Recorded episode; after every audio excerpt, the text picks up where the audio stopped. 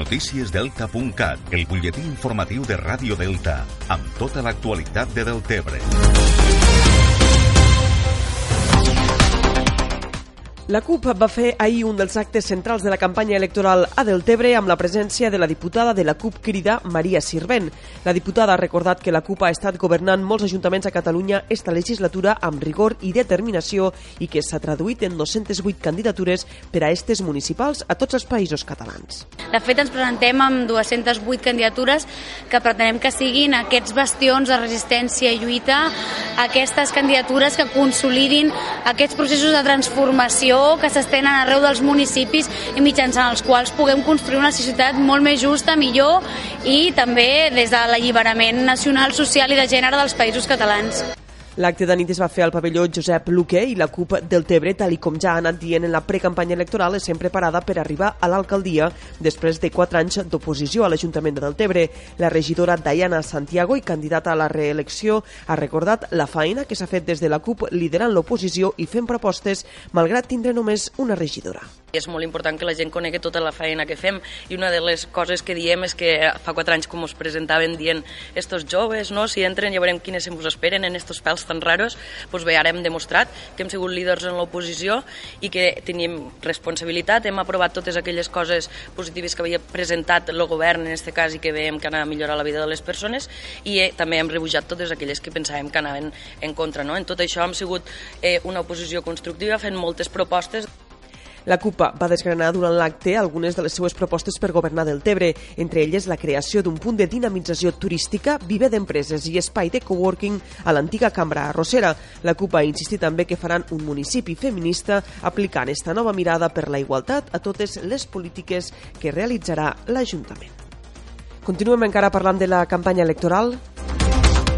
Els alcaldables per Esquerra Republicana dels set municipis del Delta de l'Ebre han signat el manifest per un Delta republicà en defensa del Delta i del riu. L'acte es va fer ahir dimarts a l'ermita de l'Aldea i hi van participar els candidats a l'alcaldia de l'Aldea, l'Ampolla, Amposta, Camarles, del Tebre, la Ràpita i Sant Jaume d'Enveja, que s'han compromès a treballar conjuntament per fer efectiu este manifest a partir del 26 de maig. En representació de Deltebre va signar el document l'alcaldable de Més del Tebre, Esquerra Republicana, Joan Alginet.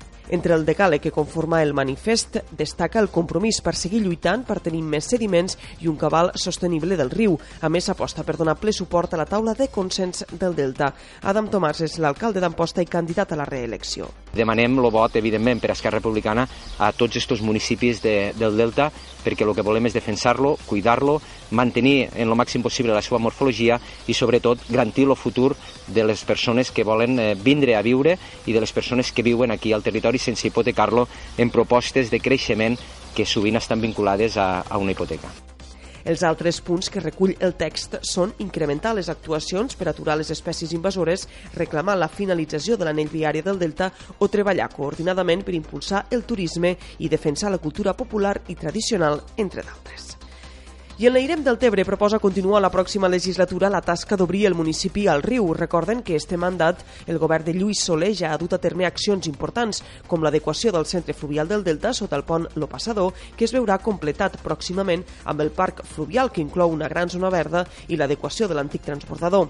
Segons Soler, les accions de transformació a la zona continuaran també amb un embarcador fluvial i desenvolupant una zona hotelera i d'oci al voltant del pont Lo Passador. Que ha de permetre tindre també oferta d'allotjaments o també una zona eh, lúdica que permetrà hi haure eh, locals comercials i locals, en aquest cas, eh, eh, enfocats a la pròpia ciutadania però també als visitants de Deltebre. Tot un espai fluvial que ha de donar eh, cabuda a lo que és un, un dels pols d'atracció turística del nostre municipi. L'Airem del Tebre té previst realitzar esta campanya set actes electorals. El pròxim serà el dijous dia 16 a Ebre Terra per parlar de dinamització econòmica. Més qüestions, fins al 22 de maig està obert el període de matriculació per al curs 2019-2020 de l'Escola Bressol L'Hortet de Deltebre, adreçat a infants de 0 a 3 anys. El centre, gestionat per l'Onada Bressol, ofereix serveis com l'estimulació sensorial, l'estimulació precoç, educació musical, psicomotricitat, ludoteca, atenció psicopedagògica i escola de pares. Recordem que fins al 22 de maig està obert el període de matriculació. Això és tot de moment. Més informació, com sempre, al portal deltacat.cat.